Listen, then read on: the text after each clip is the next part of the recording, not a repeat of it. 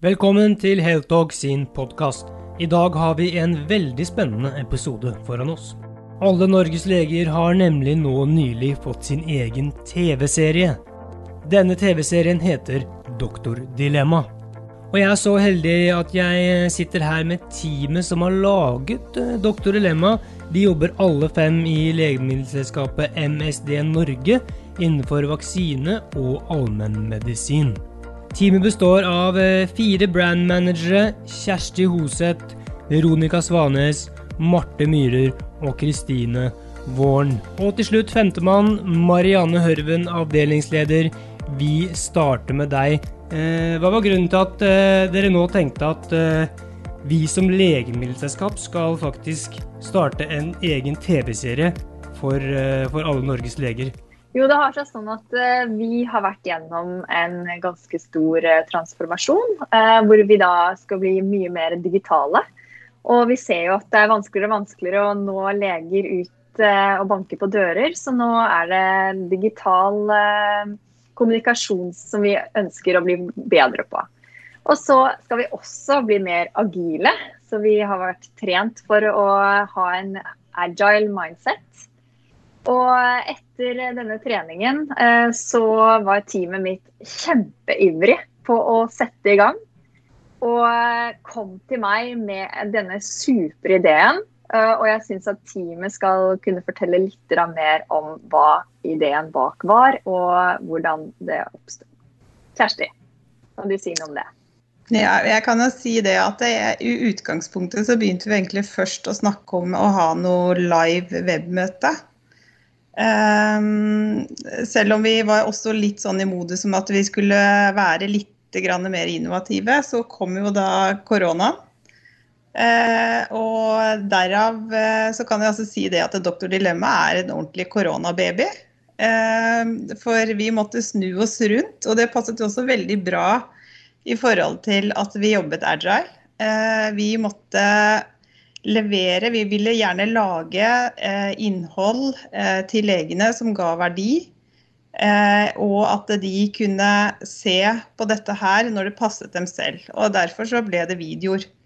Um, og dette her, eh, som dere vet, så begynte å komme koronaen i mars. Det var da vi også begynte å se på dette her. Og allerede i mai så hadde vi første episode klar. Så vi snudde oss veldig fort rundt. Så på en måte takket være korona så så ble denne TV-serien født? Ja, på mange måter så ble vi presset til å være enda mer kreative, som man ser eh, veldig mange andre steder i samfunnet. Så, så, så måtte vi plutselig tenke helt annerledes. Eh, og fordi vi visste at legene nå kommer til å være enda mer eh, busy enn det de er ellers. Og, og, de har ikke tid til å delta på noe webkast, tenkte vi. Eh, så da må vi lage noe som de kan se på når det passer dem. Um, og dere hadde også vært ute og spurt legene hva de ønsket seg uh, av uh, innhold? Ja, det er jo når du skal komme med noe innhold som skal være interessant, så bør det jo komme fra kunden. Så vi hadde fått noe innsikt om at dette her som altså diskutere dilemmaer som de opplever i hverdagen, det er noe som engasjerer dem. Eh, og det viste seg også fort når vi skulle begynne å, å, engasjere leger til å være med i disse programmene, at det var lett å få med eh, deltakere. Det er eh, godt å høre. Veronica, hvordan er eh, tilbakemeldingene fra, fra, legene eller publikum, om vi skal kalle de det? Eh, syns de at eh, Doktor Dilemma er en, en god TV-serie de, de liker å se på? Vet du, Vi har fått uh, ganske gode tilbakemeldinger fra publikum, og også den type tilbakemeldinger som vi ønsket.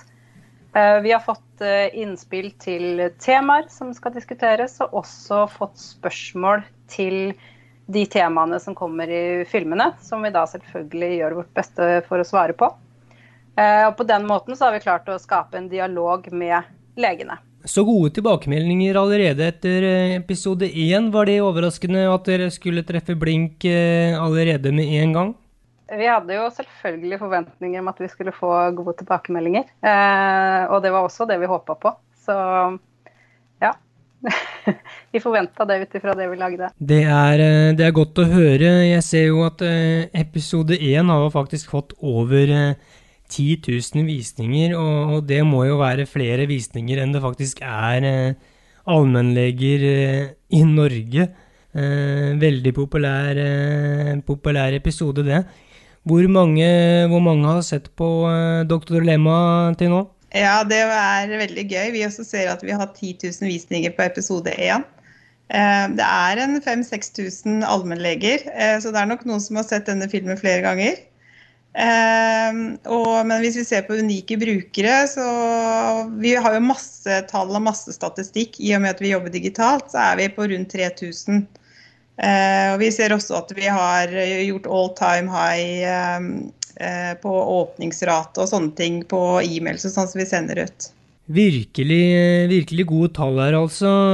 Og det er jo morsomt å høre at legene tar imot uh, doktor Dilemma med med åpne hender, kanskje mer åpne øyne. Hva, hva tenker du her? Ja, det kan virke sånn, så vi bare følger med. Vi, vi jobber etter tallene til enhver tid, så vi kan justere oss. Ja, det er veldig bra. Eh, vi kan snakke litt mer eh, om det senere. Eh, men også jeg får inntrykk her at dere er et veldig sammensveisa team som som jobber bra sammen. Og eh, jeg fikk også inntrykk av at det ikke er noe spesielt hierarki her, men at det er mer eh, at alle, alle får lov til å komme med sine innspill og sine ideer eh, ganske fritt. Ja. Um, det er Det vi også skal huske på her, er at Dr. Dilemma har blitt laget hjemmefra. Eh, så det å være et sammensveisa team og sitte på hvert sitt kjøkken, det er jo egentlig ganske utrolig. Ehm, så, eh, men vi kjenner hverandre godt fra før. Ja, la oss snakke litt mer om denne gode kulturen uh, dere har hos dere, som, som, virker som er drivkraften bak, bak denne kreative ideen som Doktor Dilemma er. Eh, jeg vet og jeg regner med at det sitter flere teams i legemiddelbransjen som eh, også gjerne skulle ha, ha startet med noen kreative ideer for å skille seg ut i en, eh, i en bransje hvor alle ligner ganske mye på hverandre. Har dere noen tips til, til andre teams à la dere der ute, som, som sitter der og og klør seg i hodet etter uh, nye og kreative ideer. Marte, kanskje du kan uh, fortelle litt om, uh, om akkurat det? Man må i hvert fall ikke sette noen grenser for seg selv. Man må bare tenke høyt og idémyldre sammen. og bare komme med masse forslag. Og jo villere, jo bedre. Og så får man bare skalere det ned litt til å passe til den industrien vi, vi jobber i. da. Så vi har jo, vi har jo idémildra en del eh, sammen, vi også. Vært innom masse. Og så syns jeg vi har landa på et veldig kult konsept. Ja, så dere tenker idé først, og så får heller eh, reguleringen komme etterpå. Det er jo kanskje en, eh, en god måte å tenke på. Ja, det vil jeg, det vil jeg synes i hvert fall. Man må, man må tenke litt utenfor boksen skal man lykkes. Det er nok et veldig godt tips til mange legemiddelselskaper der ute. Det er nok mange som tenker regulering først, vil jeg tro. Jeg vet ikke, Hva, hva tenker dere, som har vært i bransjen lenge? Det er veldig lett for at man uh, går i den fallgruven der, ja. Apropos uh, fallgruver, hvilke fallgruver eller hvilke dilemmaer er det, er det Team Doktordilemma har, uh, har hatt utfordringer med, med, så langt? ja, vi har hatt uh, noen utfordringer. I starten så gikk det kanskje mest på det med kommunikasjon og informasjonsflyt i teamet. Eh, som Kjersti nevnte, så har vi jobbet eh, hjemmefra pga. korona. Og sørge for at alle er med og alle får eh, riktig informasjon til enhver tid. Det, det, har vært litt utfordrende når man jobber rent digitalt. da.